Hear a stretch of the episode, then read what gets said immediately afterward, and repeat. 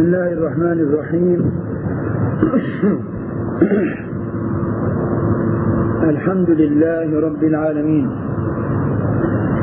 وأفضل الصلاة وأتم التسليم على نبينا محمد المبعوث رحمة للعالمين وعلى آله وصحبه أجمعين النوع الثالث عشر الشاذ قال الإمام البيقوني وما يخالف ثقة فيه الملا فالشاذ الشاذ أولا تعريف الشاذ لغة. الشاذ لغة المتفرد عن الجمهور خالف الجمهور. يقال شذ يشذ وشذ يشذ بالكسر والضم شذوذا إذا انفرد. والشاذ اصطلاحا في علم مصطلح الحديث ما يخالف الراوي الثقة فيه بالزيادة أو النقص في السند أو المتن الجماعة الثقات من الناس. ثقة خالف الثقات من الناس بحيث لا يمكن الجمع بينهما.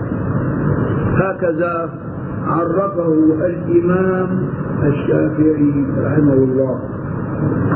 لذلك هنا عندنا في كتابنا هلا في أول البحث عم يقول قال الشافعي وهو أو هو يعني الشاذ أن يروي الثقة حديثا يخالف ما روى الناس. هو ثقة. ولكنه خالف ما روى الناس. فاعتبرت هذه الرواية شاذة.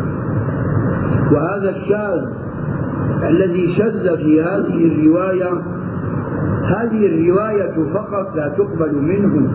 وأما بقية الروايات فهي مقبولة منه لأنه ثقة.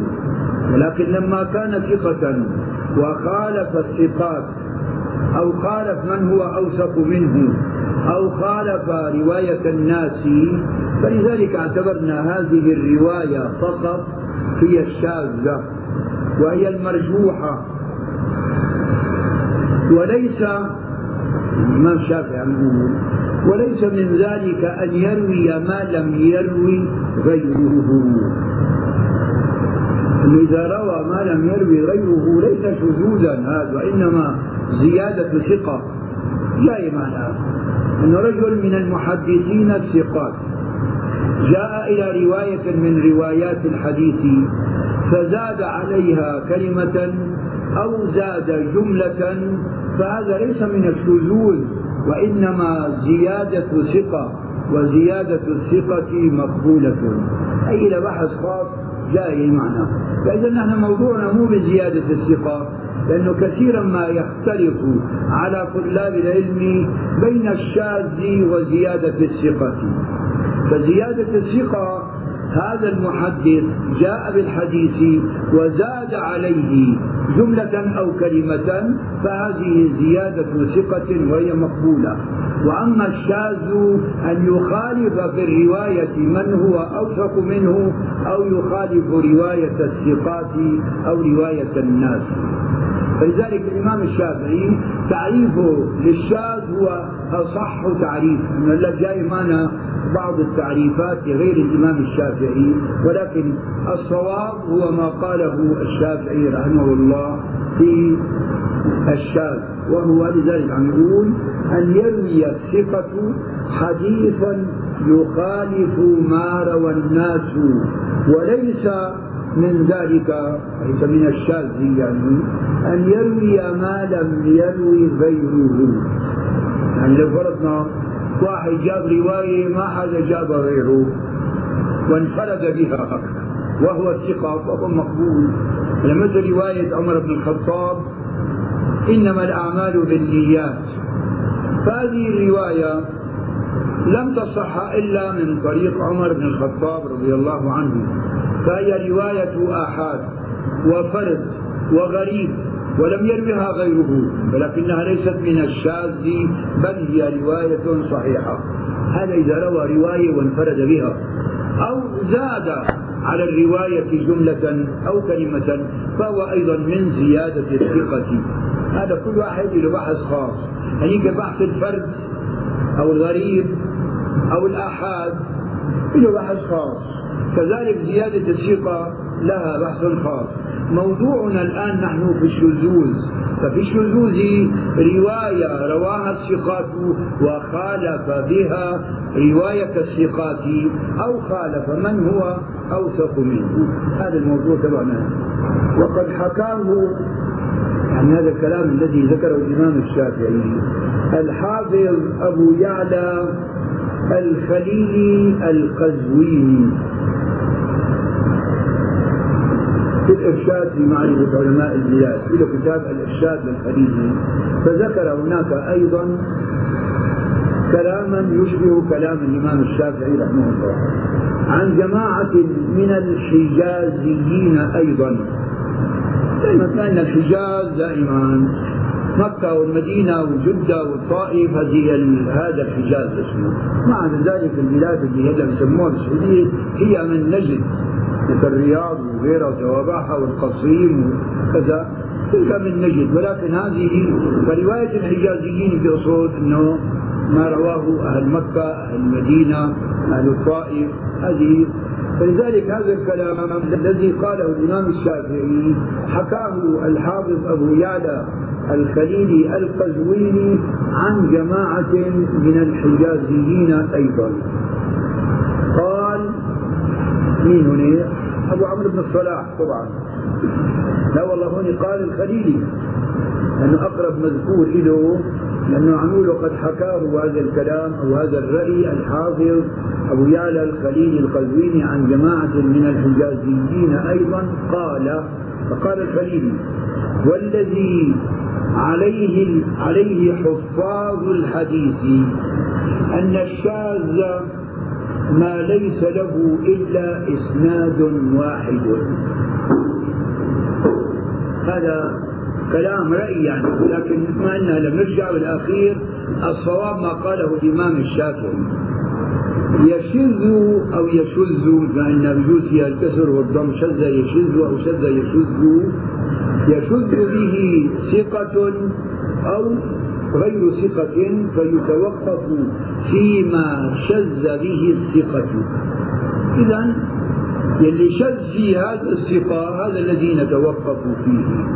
ولا يحتج به لأنه مرجوح والراجح خلافه. فالراجح هو المعمول به والمرجوح هو الشاذ الذي لا يعمل به.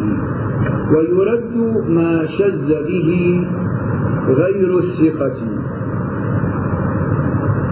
طبعا من باب أولى غير الثقة إذا الثقة خالف الثقة فيرد ومن باب أولى إذا خالف غير الثقة في ذلك. وقال الحاكم النيسابوري صاحب المستدرك هو الذي ينفرد به الثقة وليس له متابع. هو الذي ينفرد به الثقة المخالف لغيره ما ثقة؟ لذلك هذا يعني لازم يكون لأنه بالمستدرك ذكر مثل هذا الكلام الحاكم هو الذي ينفرد به الثقة المخالف لغيره ممن هو أحفظ أو أكثر وليس له متابع. في عندي تعليق ولا ما بعرف موجود عندكم شو لا. وهذا خلاف صنيع الحاكم في مستدركه. الكلام اللي قاله هو الذي ينفرد به الثقة بدون بيان خلاف صنيع الحاكم في مستدركه فإنه يصحح أحاديث تفرد بها بعض الثقات. من ذلك حديث ساقه من طريق مالك بن سعير حدثنا الأعمش سليمان بن مهران. عن أبي صالح ذكوان السمان ذا عن أبي هريرة مرفوعا يا أيها الناس إنما أنا رحمة مهداة. وقال صحيح على شرطهما حافظ. فقد احتجا جميعا بمالك بن سعير والتفرد من الثقات مقبول ووافقه الذهبي.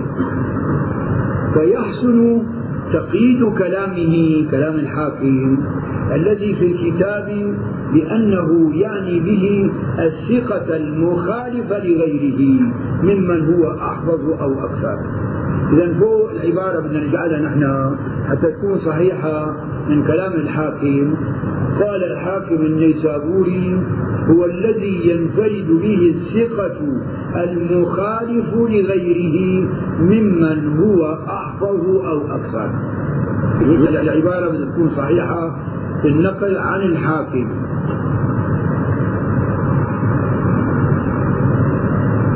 نعم. مو أي ثقة ينفرد به. وإلا إذا كان ثقة انفرد برواية فهي مقبولة ولكن ثقة وخالف في هذه الرواية من هو أحفظ منه أو أكثر عددا؟ يعني إما خالف ثقة أحفظ منه أو خالف الثقات جمعا من الثقات فهذا هو الشاذ. ليس مجرد مخالفة لا مجرد آه، شوي انفراد الثقة بذلك. قال ابن الصلاح ويشكل على هذا حديث الأعمال بالنيات. يشكل على هذا كلامه هو الذي ينفرد به الثقة فقط. لكن إذا قيدناه المخالف لغيره ممن هو أحفظ أو أكثر عند ذلك ما في عليه إشكال.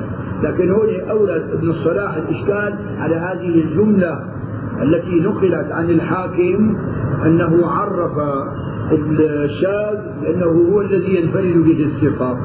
لا صحيحة. لذلك قال ويشكل على هذا حديث الأعمال بالنيات فإنه تفرد به عمر عمر بن الخطاب رضي الله عنه. فهذا رواه ثقة لم يروه غيره من الصحابة وهو عمر بن الخطاب. وعنه علقمة وعنه محمد بن إبراهيم التيمي وعنه يحيى بن سعيد الأنصاري ومع ذلك فهو حديث صحيح مقبول وإن كنا نسميه فردا وغريبا وأحاد. فلذلك يعني تعبير اللفظ اللي جابه هو في كتابنا في عليه إشكال. لكن إذا كان رجعنا إلى ما قاله الحاكم في مستدركه فنقول وقال الحاكم النيسابوري هو الذي ينفرد به الثقة المخالف لغيره ممن هو أحفظ أو أكثر عددا. عند ذلك ما بيكون في إشكال لكن ابن الصلاح أورد الإشكال بناء على هذه الجملة هكذا. هذه ليست آه، كما قالها في مستدركه على الصحيحين الحاكم لذلك إذا في عندنا نحن حديث ثقة رواه ثقة لم يرويه غيره. فهذا مقبول عند الجميع أو نسميه آحاد أو فرد أو غريب. فمو هذا المقصود من الشاذ؟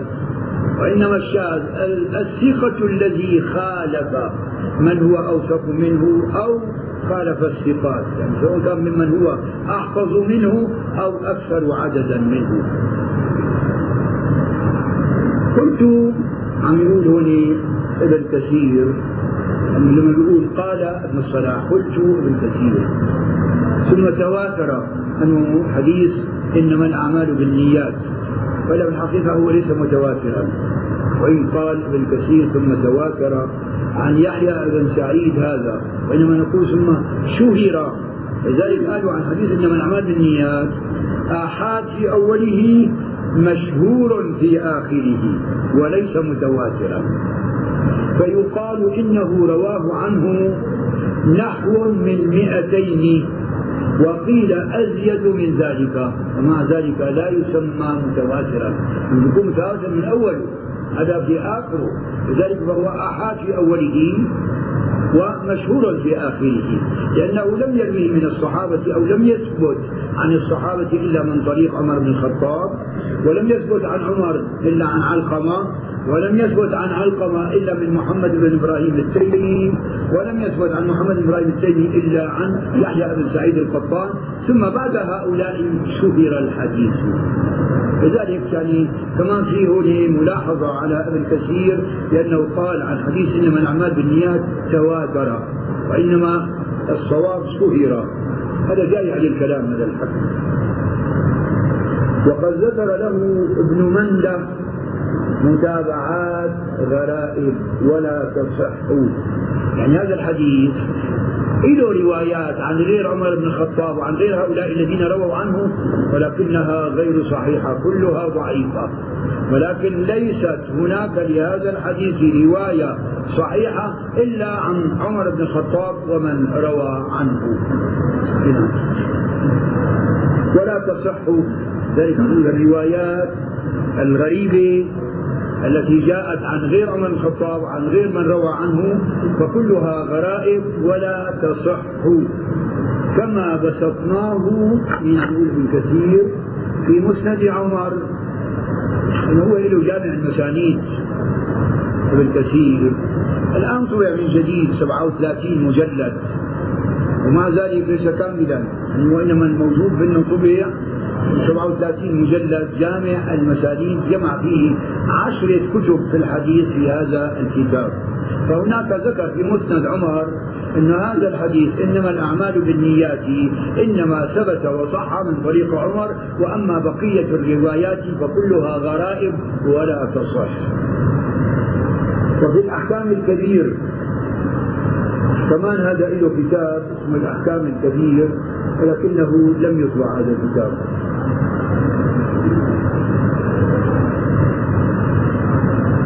هيك عن مسند عمر عم يقول وسماه هيك بكتابه مسند الفاروق يعني طبعا فاروق هو عمر الخطاب. ولذلك هون في عندنا تعليق شوفوا ما بعرف إذا كان موجود عندكم ولا لا يبين ومن هذا يعرف خطأ من زعم أن حديث الأعمال بالنيات هذا له روايات كثيرة. إنما الأعمال بالنيات الأعمال بالنيات الأعمال بالنية. له عدة روايات الحديث وعدة ألفاظ يعني. ولكن كلها عن طريق عمر الخطاب من طريق عمر الخطاب رضي الله عنه ولا تصح عن غيره. ومن هذا يعرف خطأ من زعم مثل ابن كثير اللي ذكر أنه متواتر أن حديث الأعمال بالنيات متواتر. وقد حكى لنا هذا ثقات من شيوخنا عن عالم كبير لم ندرك الرواية عنه.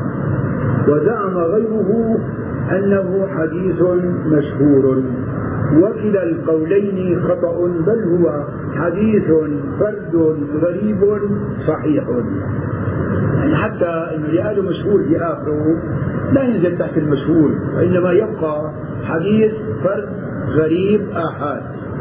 حديث عمر بن الخطاب رضي الله عنه.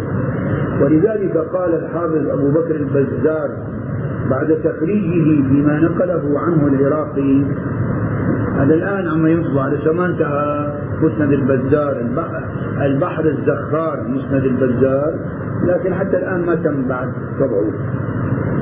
سؤال البزار لا يصح عن النبي صلى الله عليه وسلم إلا من حديث عمر.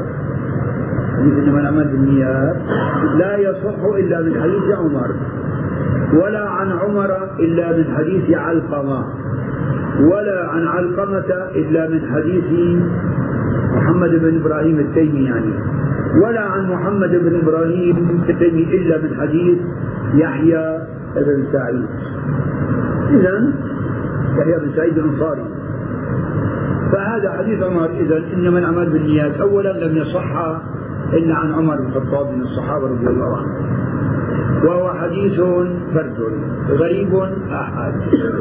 فكونه متواتر مثل مال كثير لا مو صحيح. كذلك مشهور ليس صحيحا انه بيكون مشهور من أوله. رواه ثلاث عن ثلاث كذا رواه واحد عن واحد. وإن كان مشهورا عند الناس يعني أصبح بعد ذلك مشهورا عند الناس والمحدثين وطلبة العلم. فذلك ما في حديث مشهور منه لأنه عليه مدار الإسلام. كل الأعمال عليها مدار النية. ولذلك إنما الأعمال بالنيات وإنما لكل امرئ ما نوى في العقيدة والعبادة والمعاملة والأخلاق وجميع الأمور. فلذلك هذا حديث مشهور لكن ليس معنى ذلك أنه مشهور بمعنى مشهور في اصطلاح علم الحديث وإنما مشهور عند الناس مشهور عند طلاب العلم لأن مدار الإسلام على مثل هذا الحديث. أما هو فهو فرد غريب أحد.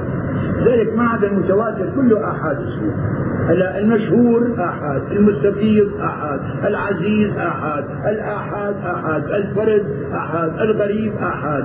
المتواتر الحقيقة هو ما هو كثير يعني الأحاديث المتواترة قليلة جدا بالنسبة إلى غيرها وأكثر الأحاديث آحاد فإذا أراد بعض الناس أن يتكلم في أحاديث الآحاد وأن يذمها أو يقول لا تؤخذ في العقائد والأحكام معنى ذلك أنه أذهب أكثر الأحاديث الصحيحة التي هي آحاد وفرد وغريبة. ولكن كونه صحت نسبته إلى رسول الله صلى الله عليه وسلم بإسناد صحيح إليه أو حسن يعني طالما صحيح لذاته أو صحيح لغيره أو حسن لذاته أو حسن لغيره فهو حديث مقبول يعمل به في جميع الأحكام. بغض النظر عن الرأي الآخر الذي قال فيه بعضهم أنه لا يؤخذ في الأحكام والعقائد لأن رسول الله صلى الله عليه وسلم كان من عادته في زمنه في حياته أن يرسل الصحابة إلى الآفاق البعيدة ليعلموا الناس القرآن والإسلام. فكما أرسل مثلا آه، بعض الصحابة إلى المدينة المنورة قبل الهجرة عندما كان يتعرض رسول الله صلى الله عليه وسلم في أيام الموسم للذين يأتون من خارج مكة فعرض عليهم الإسلام ثم رجعوا إلى المدينة وأرسل معهم مثلا مثل بعض الصحابة مصعب بن عمير أو غيره فعلم الناس القرآن والفقه والحديث والحلال والحرام وأرسل أبا موسى الأشعري إلى قطر يماني كبير فنشر الإسلام كله وكذلك أرسل معاذ بن جبل رضي الله عنه إلى القطر الآخر في اليمن فأعطى الإسلام كاملا. ولذلك لما أوصى رسول الله أبا موسى الأشعري ومعاذا قال لهما يسرا ولا تعسرا وبشرا ولا تنفرا وتطاوعا ولا تختلفا. فذهب كل منهما إلى إقليم من أقاليم اليمن بكامله فأعطى الإسلام كله إلى ذلك الإقليم من عقيدة راسخة وعبادة طيبة ومعاملات وأخلاق وغير ذلك. وهذا أكبر دليل على أن حديث الآحاد يؤخذ به في جميع الأحكام وإلا لما جاز أن يأخذ أهل اليمن الإسلام عن فرد أمثال معاذ بن جبل أو أمثال أبي موسى الأشعري وغيرهما من الصحابة. قال أبو عمرو بن الصلاح وكذلك حديث عبد الله بن دينار عن عبد الله بن عمر أن رسول الله صلى الله عليه وسلم نهى عن بيع الولاء وهبته. هذا حديث رواه البخاري ومسلم من طرق عن عبد الله بن دينار به. كذلك هذا حديث آحاد لم يرويه عبد الله عن عبد الله بن عمر إلا عبد الله بن دينار. ولم يصح هذا الحديث إلا من حديث عبد الله بن عمر بن الخطاب. وهو في الصحيحين وهو آحاد. وهو فرد وهو غريب ولذلك هو في الصحيحين فيؤخذ به. يعني معناته مو كل حديث نقول عنه فرد أو أحاد أو غريب لا لا يؤخذ به وإنما هذا حديث الصحيحين وأخذ به الشيخان. وتفرد مالك طبعا إذا قلت مالك فهو مالك ابن أنس الحميري الأصبحي صاحب المذهب عالم أهل المدينة رحمه الله. عن الزهري بن شهاب عن أنس أن رسول الله صلى الله عليه وسلم دخل مكة وعلى رأسه المغفر كذلك هذا حديث رواه البخاري ومسلم من طرق عن مالك به. وللحافظ بن حجر وللحافظ بن حجر العسقلاني طبعا في النكت كلام حسن يعني في هذا الموضوع. كذلك يكون الحديث اللي قبل منه تبع نهى رسول الله عن بيع الولاء وهبته يقول رواه البخاري ومسلم من طرق عن عبد الله بن دينار به. وأخرجه الترمذي في جامعه ثم قال حديث حسن صحيح لا نعرفه إلا من حديث عبد الله بن دينار عن عبد الله بن عمر. يعني الترمذي وضح إن هذا الحديث ما ثبت إلا من طريق عبد الله بن دينار عن عبد الله بن عمر بن الخطاب.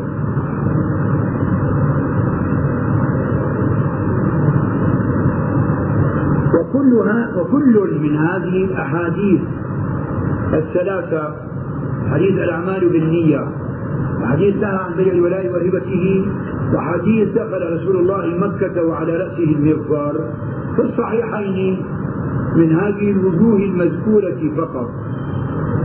وقد قال مسلم يعني في صحيحه وزاد بأسانيد الجياد للزهري تسعون حرفا لا يرويها غيره. يعني الزهري له تسعين رواية لا يرويها غيره. فمعنى ذلك نقول هذه شاذة لا نقبلها. لا. الزهري ثقة. إذا روى رواية وكانت عمن قبله بإسناد صحيح فهي ثقة ويؤخذ بها وليست شاذة لأن الزهري ثقة وروى رواية وتفرد بها. فتفرد بتسعين رواية وهي صحيحة فلذلك ليست من الشاذ. وإنما هي روايات آحاد صحيحة مقبولة. وهذا الذي قاله مسلم عن الزهري من تفرده بأشياء لا يرويها غيره يشاركه في نظيرها جماعة من الرواة. مو بس الزهري في غيره كمان روى روايات صحيحة وما شاركه فيها غيره وهي مقبولة وليست شاذة بل هي آحاد أو غريبة أو فردة تفرد بها لكنها صحيحة. فهنا نوجد صحيح وزاد بأسانيد الجياد. يعني كمان هذه الأشياء عن الزهري وعن غيره بأسانيد الجياد. فإن الذي قاله الشافعي أولا هو الصواب. إذا تعريف الشافعي رحمه الله للشاذ هو الصواب. أن يروي الثقة حديثا يخالف ما روى الناس. وليس من ذلك أن يروي ما لم يروي غيره. يعني أن يروي ما لم يروي غيره من حديث الآحاد التي تفرد بها الثقات فهي مقبولة أما إذا روى الثقة رواية وخالف فيها غيره ممن هو أوثق منه أو خالف الناس وخالف الثقات فهي هذه الشاذة. ولذلك كان كلام الإمام الشافعي في تعريف الشاذ هو الصواب. ذلك عم نقول هنا عندنا.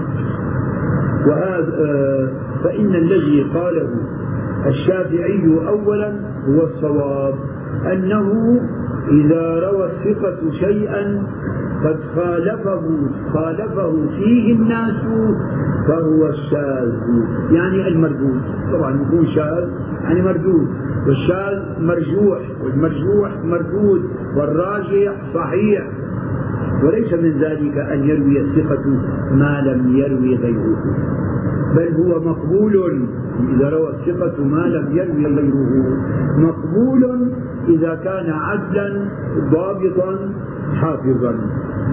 وعليه يحمل كلام الحاكم بدليل ما نقل عنه في المستدرك في العبارة اللي تقدمت إن عبارة الحاكم إذا نريد نرجع اللي استدرك عليها أبو عمرو بن الصلاح اللي قال إنه وقال الحاكم هو الذي ينفرد به ثقته ما هو هذا كلام الحاكم في المستدرك وإنما هو الذي ينفرد به الثقة المخالف لغيره ممن هو أحفظ أكثر أو أكثر عددا فإن هذا لو رد الحديث الفرد أو الآحاد إذا رديناه فيلزم علينا أن نرد أكثر الأحاديث لأنه أكثر الأحاديث آحاد. وأمثال هذه الأحاديث إنما الأعمال بالنيات ونهى عن بيع الولاء وهبته ودخل مكة وعلى رأسه المغفر. كلها من الأحاديث الصحيحة التي رواها الشيخان البخاري ومسلم في صحيحيهما ومثلها كثير. فإذا بدنا نقول نحن أنه هذه نعتبرها شاذة لنرد كل أغلب الأحاديث على هذا النوع لكن لذلك عم نقول هون وليس من ذلك يعني الشاذ. أن يروي الثقة ما لم يروي غيره بل هو مقبول. إذا كان طبعا هذا الراوي عدلا ضابطا حافظا. فإن هذا لو رد لردت أحاديث كثيرة من هذا النمط وتعطلت كثير من المسائل عن الدلائل. والله أعلم. وأما هلا بقى رد رجع للفرد والغريب والآحاد إذا كان ما ثبت بطريق مو صحيح ساعتها بنرده وأما إن كان المنفرد به غير حافظ وهو مع ذلك عدل ضابط فحديثه حسن. نجي الرتبة نحن لما عرفنا الحديث الصحيح ما اتصل إسناده بنقل العدل الضابط عن مثله إلى منتهى من غير شذوذ ولا علة قادحة.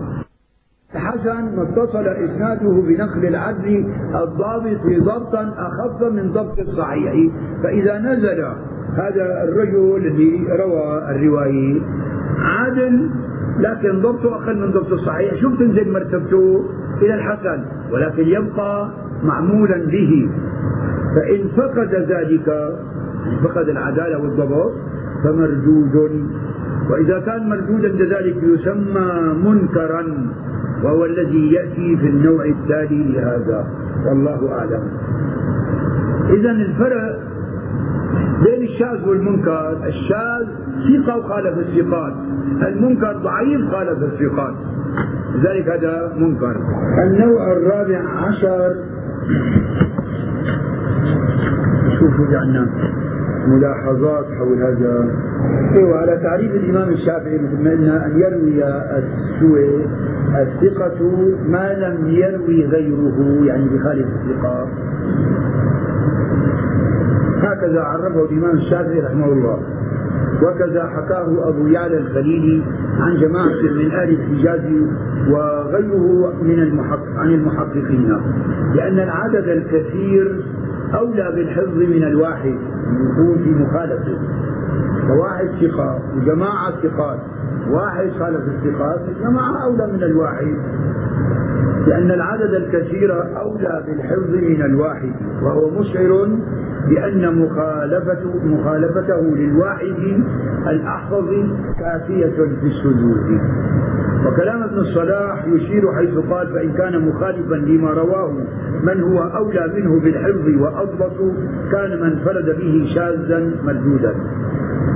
وقد قال الحافظ ابن حجر العسقلاني فإن خالف الراوي بأرجح منه لمزيد ضبط أو أكثر أو كثرة عدد أو غير ذلك من وجوه الترجيحات فالراجح يقال له المحفوظ ومقابله وهو المرجوع ويقال له الشاذ.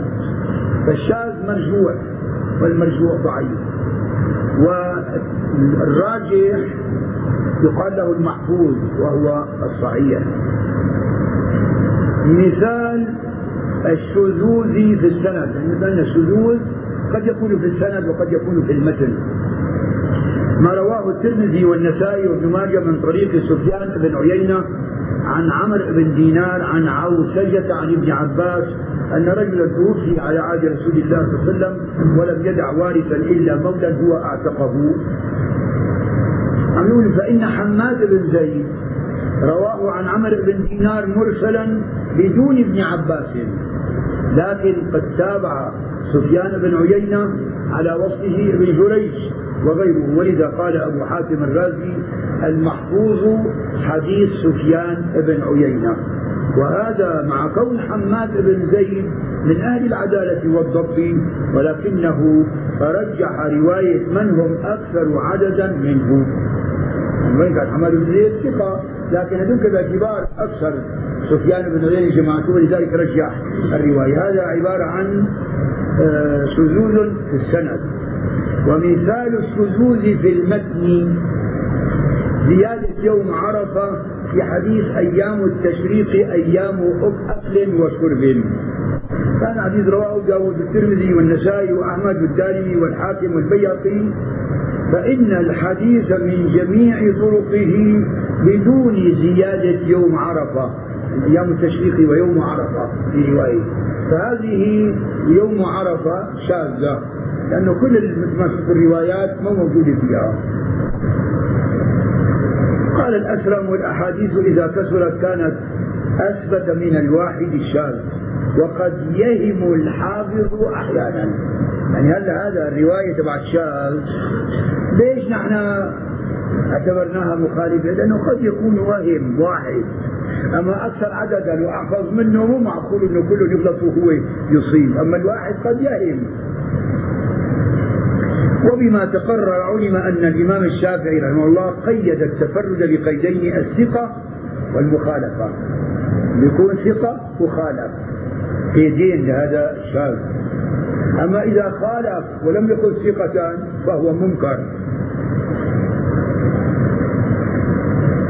والشاذ لم يوقف له على علة معينة.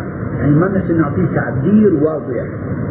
وقد تقصر عبارته عن إقامة الحجة على دعواه وهو من أغمض الأنواع وأدقها ولا يقوم به إلا من رزقه الله الفهم الثاقب والحفظ الواسع والمعرفة التامة بمراتب الرواة والملكة القوية بالأسانيد والمتون هذا كلام الحافظ بن حجر. قال الحافظ بن حجر الشاذ أدق من المعلل. لأن كمان الحديث المعلل ما في له تعبير خاص أو تعريف ولكن يعرف تعرفه الجهابذة النقاد بالرجوع إلى المصادر والمسانيد والكتب والأجزاء حتى يستطيع أن يتعرف على تلك العلة. وكذلك الشاذ. بل اعتبر الحافظ بن حجر أن الشاذ قد يكون أعمق من المعلول والمعلل. الشاذ أدق من المعلل بكثير. والأمثلة على ذلك حديث النهي عن بيع الولاء فإنه لم يصح إلا من رواية عبد الله بن دينار عن عبد الله بن عمر حتى قال مسلم الناس كلهم في هذا الحديث عيال على عبد الله بن دينار لأنه لم لم يصح إلا من طريقه. وهناك أقوال غير هذه غير غير هذه الأقوال وإنما وقد رد ابن الصلاح كلام الخليل وغيره وبعد أن رد الكلام اختار مما استخرجه من صنيع الأئمة فيما لم يخالف الثقة فيه غيره. إذا هذا المقصود أنه أن يكون ثقة فقد خالف لذلك الإمام الشافعي قيد للشاذ قيدين ثقة ومخالفة. يعني الراوي ثقة ولكنه خالف. وإنما أتى بشيء انفرد به. وحينئذ فالشاذ المردود كما قال ابن صلاح قسمان أحدهما الحديث الفرد المخالف وهو الذي عرفه الشافعي.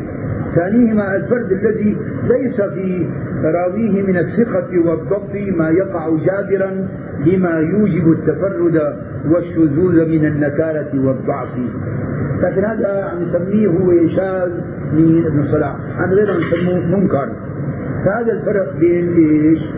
وتسمية من فرد به غير الثقة شاذا كتسمية ما كان في رواته ضعيف أو سيء الحفظ أو غير ذلك من الأمور الظاهرة معللا. وذلك فيهما مناف لغموضهما فالأليق في هذا هو ما عرفه الشافعي. ولذا اقتصر عليه الحافظ ابن حجر في شرح النخبة كما أن الأليق في الحسن ما اقتصر عليه الترمذي. الترمذي يقول حسن؟ يريد حسن لغيره. يعني ضعيف في الأصل لكن للمتابعات والشواهد ارتفع إلى الحسن لغيره. لذلك الحسن هو ما عرفه الترمذي والشاذ هو ما عرفه الإمام الشافعي. وأما كما قال ابن الصلاح أن الشاذ هو الذي فيه ضعف وخالف غيره فهذا هو المنكر وليس الشاذ. ثم الرواية الراجحة وهو رواية الملأ محفوظة. وتسمى الرواية المرجوحة وهي رواية الثقة المخالفة شاذة. حكم الشاذ. حكم الشاذ أنه مردود لا يحتج به وإنما الحجة في مقابله وهو المحفوظ. المنكر كالشاذ. إن خالف راويه الثقات فمنكر مردود وكذا إذا لم إن لم يكن عدلا ضابطا وإن لم يخالف فمنكر مردود الفرق بين الشاذ والمنكر أن الشاذ راويه ثقة أو صدوق غير ضابط والمنكر راويه ضعيف بسوء حفظه أو جهالته. ذلك هنا أن الشاذ راويه ثقة أو صدوق والمنكر راويه ضعيف بسوء حفظه أو جهالته أو نحو ذلك. فإذا هذا بيكون بقى لما بيكون غير ثقة وخالف اسمه منكر. أما ثقة أو صدوق وخالف فهو شاذ. علامة المنكر في حديث المحدثين إذا ما عرضت رواية للحديث على رواية غيره من آل الحفظ والرضا خالفت روايته روايتهم. هذا المنكر أو لم تكد توافقها فإن كان الأغلب من حديثه كذلك كان مهجور الحديث غير مقبوله ولا مستعمله. طبعا يكون ضعيف لأنه قال الحافظ ابن حجر فالرواة الموصوفون بهذا حديث منكر. تفرد به أبو زكير يحيى بن محمد بن قيس المحارب الضرير وهو صدوق يخطئ كثيرا. فلذلك ولا يتابع عليه ولا يعرف إلا به فهو حديث منكر. لذلك هذا الفرق بالأخير. أنا هنا عندنا شو عم يقول بالأخير المنكر تبعنا وهو كالشاذ إن خالف راويه الثقات فمنكر مردود. وكذا إذا لم إن لم يكن عدلا ضابطا وإن لم يخالف فمنكر مردود. شوفوا عنا في تعليق هون. يعني أن من فرد به الراوي الذي ليس بعدل ولا ضابط فهو منكر. يكون موثقا ليس بعدل ولا ضابط فهو منكر مردود. وخالف غير هذا مع أنه لم يخالفه غيره في روايته لأنه انفرد بها ومثله لا يقبل تفرده. وأما إن كان الذي تفرد به عدا ضابطا حافظا قبل شرعا ولا يقال له منكر وإن قيل له ذلك لغة. النوع الخامس عشر الاعتبار والمتابعات والشواهد. يعني هون العنوان يتبادر للذهن كأنه ثلاثة أقسام. الاعتبار قسم المتابعات قسم والشواهد قسم. وإلا لا الاعتبار هو الهيئة الحاصلة في الكشف عن المتابعة والشاهد. إذا الاعتبار هو الهيئة الحاصلة في الكشف عن المتابعة والشاهد. يعني دراسة المتابعات ودراسة الشواهد هو اسم اعتبار فليس قسما ثالثا وإنما تعريف للقسمين. قال ابن الصلاح هذه أمور يتداولونها في نظرهم في حال الحديث. هل تفرد به راويه أو لا؟ وهل هو معروف أو لا؟ هذه الدراسة تسمى متابعات أو شواهد. مثاله أن يروي حماد بن سلمة عن أيوب دائما يغتف أيوب أيوب السختياني عن محمد بن سيرين عن أبي هريرة عن النبي صلى الله عليه وسلم حديثا. فإن رواه غير حماد يعني رواه حماد الأول فإن رواه غير حماد عن أيوب أو غير أيوب عن محمد بن سيرين أو غير محمد بن سيرين عن أبي هريرة أو غير أبي هريرة عن النبي صلى الله عليه وسلم فهذه متابعات. طرق يعني روايات الحديث لها متابعات لها طرق أخرى. هون حديث محمد بن سلمة عن أيوب إجت رواية أخرى. واحد غير حماد عن أيوب السختياني. أو أيوب عن غير محمد بن سيرين. تغير يعني الإسناد. هذه اسمها طرق. وهذه الطرق اسمها متابعات هذه متابعات. فإن روي معناه من طريق أخرى عن صحابي آخر سمي شاهدا لمعناه يعني أحيانا يبقى حديث مثلا مر معنا عن أبي هريرة. جاءنا نفس المتن معنى المتن مش يكون باللفظ متن الحديث. من رواية صحابي آخر. فهنا يرتفع الحديث يصير اسمه شاهد.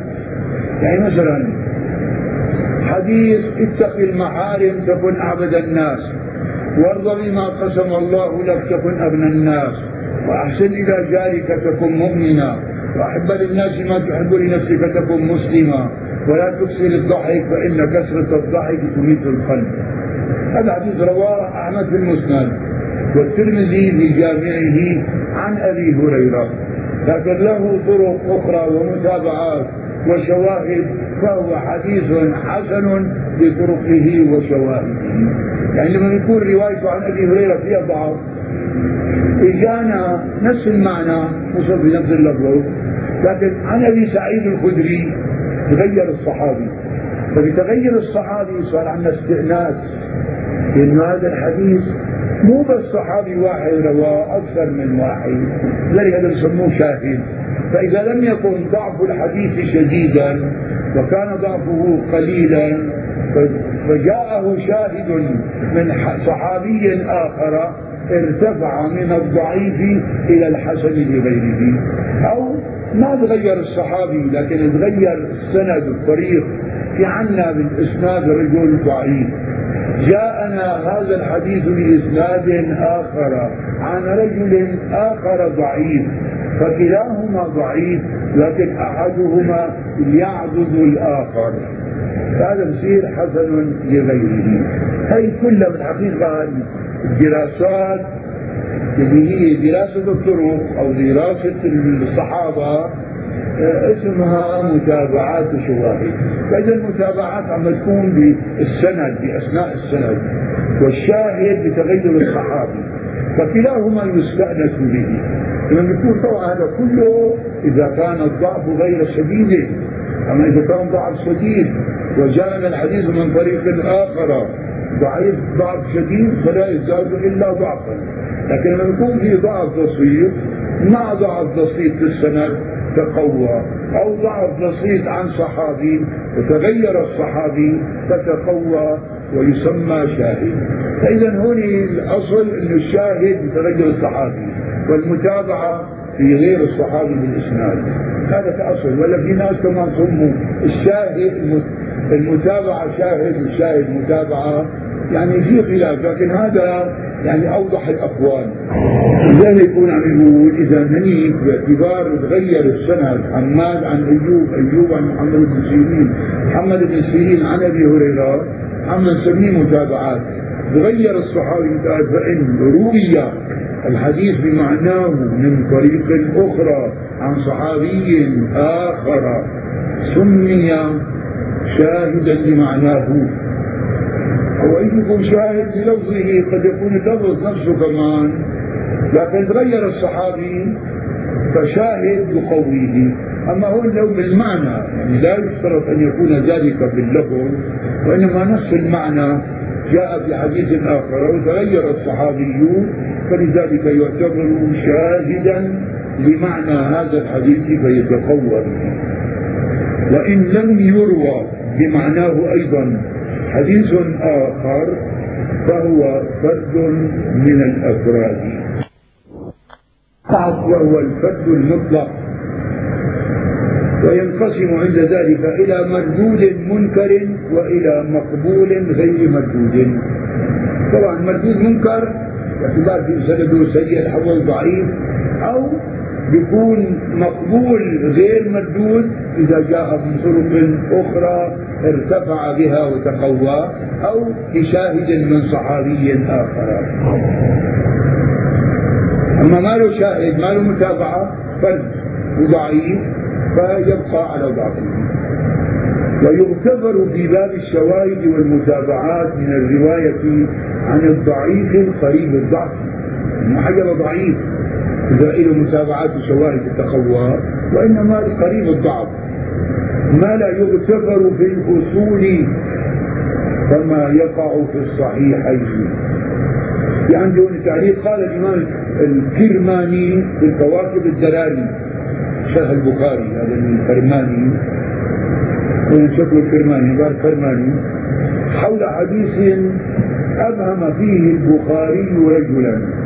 هذه الرواية وإن كانت عن مجهول لكنها متابعة ويغتفر فيها ما لا يغتفر في الأصول. يعني إذا رجل مثلا هو مجهول لكن له متابعة فكمان يرتفع في هذا نقله الحافظ في الفتح في المقالة وهذا صحيح. انظر الفتح إلى آخره ولهذا يقول الدار قطني في بعض الضعفاء يصلح للاعتبار أو لا يصلح أن يعتبر به والله أعلم. مو كل الرواة إذا كان تغيروا يصلح للاعتبار يصلح للاعتبار الضعيف قريب الضعف. أما إذا كان شديد الضعف لا يعتبر به ولا يصلح للاعتبار هنا نقول في تعليق عندي لم يوضح المؤلف هذا الباب إيضاحا كافيا. وقد بيناه في شرحنا على أهمية السلوك في المصطلح.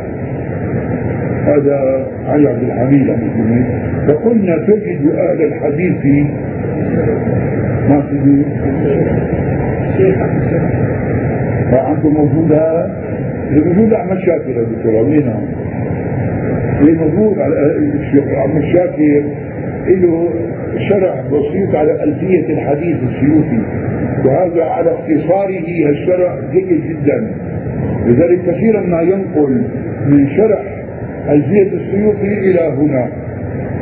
الكتاب هذا كثير من الأشياء ينقلها من شرحه على ألفية السيوطي إلى الباعث الحسيس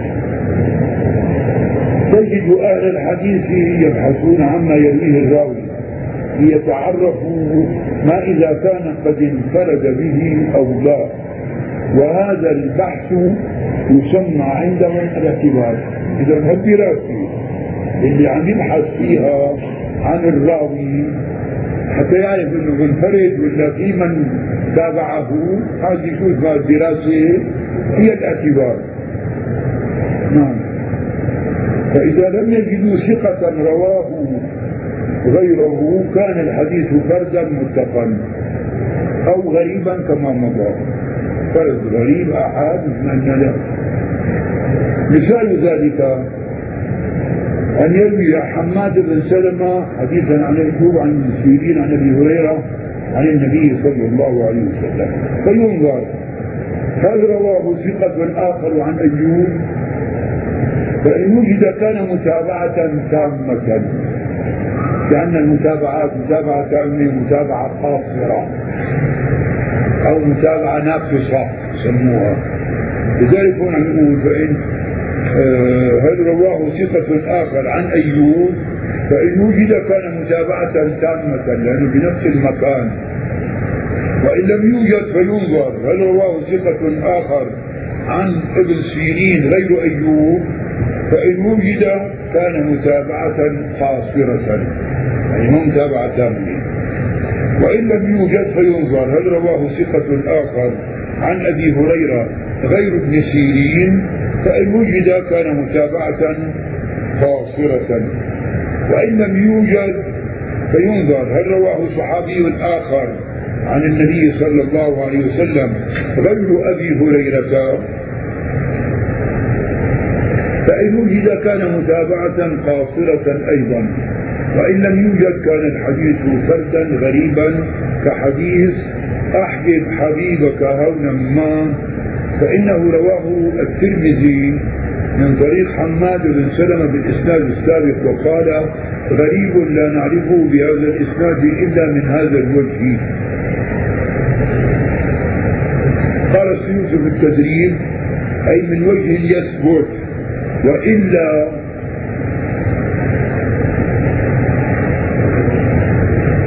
وقد رواه الحسن بن دينار عن ابن سيرين والحسن متروك الحديث لا يصلح للمتابعات. قال الحافظ بن حجر في النكت جاء من رواية الحسن بن دينار أحد الضعفاء عن محمد بن سيرين عن أبي هريرة أخرجه ابن عدي. فإما أن يكون الترمذي لم يعتد بذلك لشدة ضعف الحسن هذا ابن دينار ضعيف كثيرا وإما أن يكون أراد الغرابه معتدة بكونها من رواية حماد عن أيوب وإما أن يكون ما اطلع على رواية الحسن. ونجعلها تعليق تحت والحديث هذا في عهد حبيبك هنا ما عسى أن يكون بغيضك يوما ما وأبغض آه، حبيبك هونا ما عسى أن يكون. هذا الحديث رواه البخاري في الأدب المفرد. في آخر حديث في الأدب المفرد. فهو ثابت موقوفا على علي بن أبي طالب رضي الله عنه. لكن عم يقول الشيخ ناصر وجد له متابعات حتى في المرفوع. فيعني كمان هو لذلك شو عم يقولوا لي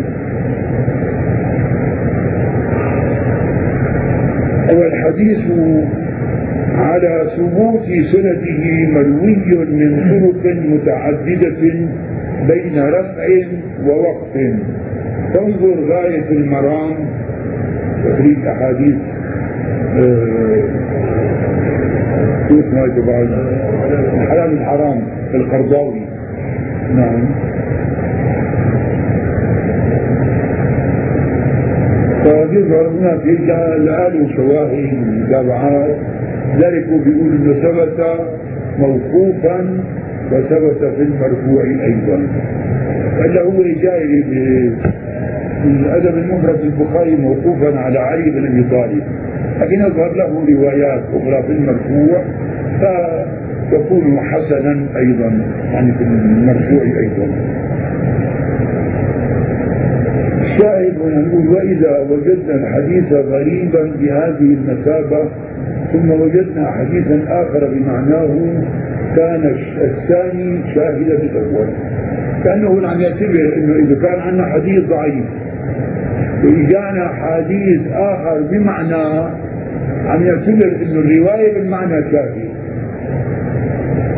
قال الحافظ ابن حجر وقد قد يسمى الشاهد متابعة أيضا.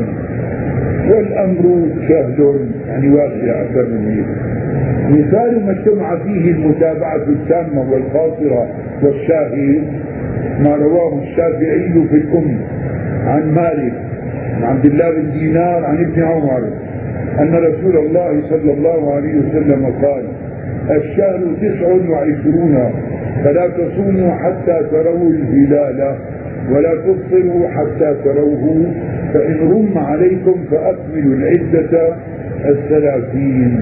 فهذا الحديث بهذا اللفظ ظن قوم أن الشافعي تفرد به عن مالك فعدوه في غرائبه لأن أصحاب مالك رووه عنه بهذا الإسناد بلفظ فإن هم عليكم فاقدروا له لكن وجدنا للشافعي متابعا. وهو عبد الله بن مسلمة القعنبي كذلك أخرجه البخاري عنه عن مالك وهذه متابعة تامة. ووجدنا له متابعة قاصرة في صحيح ابن خزيمة من رواية عاصم بن محمد عن أبيه محمد بن زيد عن جده عبد الله بن عمر بلفظ فأكملوا ثلاثين وفي صحيح مسلم من رواية عبيد الله بن عمر عن نافع عن ابن عمر بلفظ فاقدروا ثلاثين ووجدنا له شاهدا رواه النسائي من رواية محمد بن حنين كيف حنين عم تقول؟ عن ابن عباس عن النبي صلى الله عليه وسلم فذكر مثل حديث عبيد الله بن دينار عن ابن عمر بلفظ سواء. ورواه البخاري من رواية محمد بن زياد عن أبي هريرة بلفظ فإن غم عليكم فأكملوا عدة شعبان ثلاثين وذلك شاهد بالمعنى. إذا الحديث له متابعات وله شواهد. يعني له طرق وله عبد الله بن عمر ابو هريرة وغيره من الصحابة. فلذلك هذا موجود عم بيقول بالحديث متابعة متابعة ناقصة وشاهد من صحابي آخر. وظاهر صنيع ابن الصلاح والنووي يوهم أن الاعتبار قسيم للمتابعات. يعني هون ظاهر العنوان فمن عم نقول النوع الخامس في الاعتبار والمتابعات والشواهد كأنه عم يذكر ثلاث أقسام الاعتبار واحد والمتابعات اثنين والشواهد ثلاثة وهيك عم نقول ظاهر صنيع ابن الصلاح عندي العنوان. والنووي يوهم أن الاعتبار قسيم للمتابعات والشواهد وأنها أنواع ثلاثة وقد تبين مما سبق أن الاعتبار ليس نوعا بعينه وإنما هو هيئة التوصل للنوعين المتابعات والشواهد وسبر طرق الحديث لمعرفتهما. سبر تتبع الواحد يتتبع الأحاديث في الصحاح في السنن في المسانيد في الأجزاء حتى إيش يرى لهذا يجد لهذا الحديث متابعات أو شواهد. فهذه المطالعة وهذه الدراسة هي الاعتبار. فإذا الاعتبار ليس قسيما أو قسما ثالثا وانما هو الهيئة للتوصل والدراسة للتوصل إلى المتابعات والشواهد. فقط. والحمد لله رب العالمين.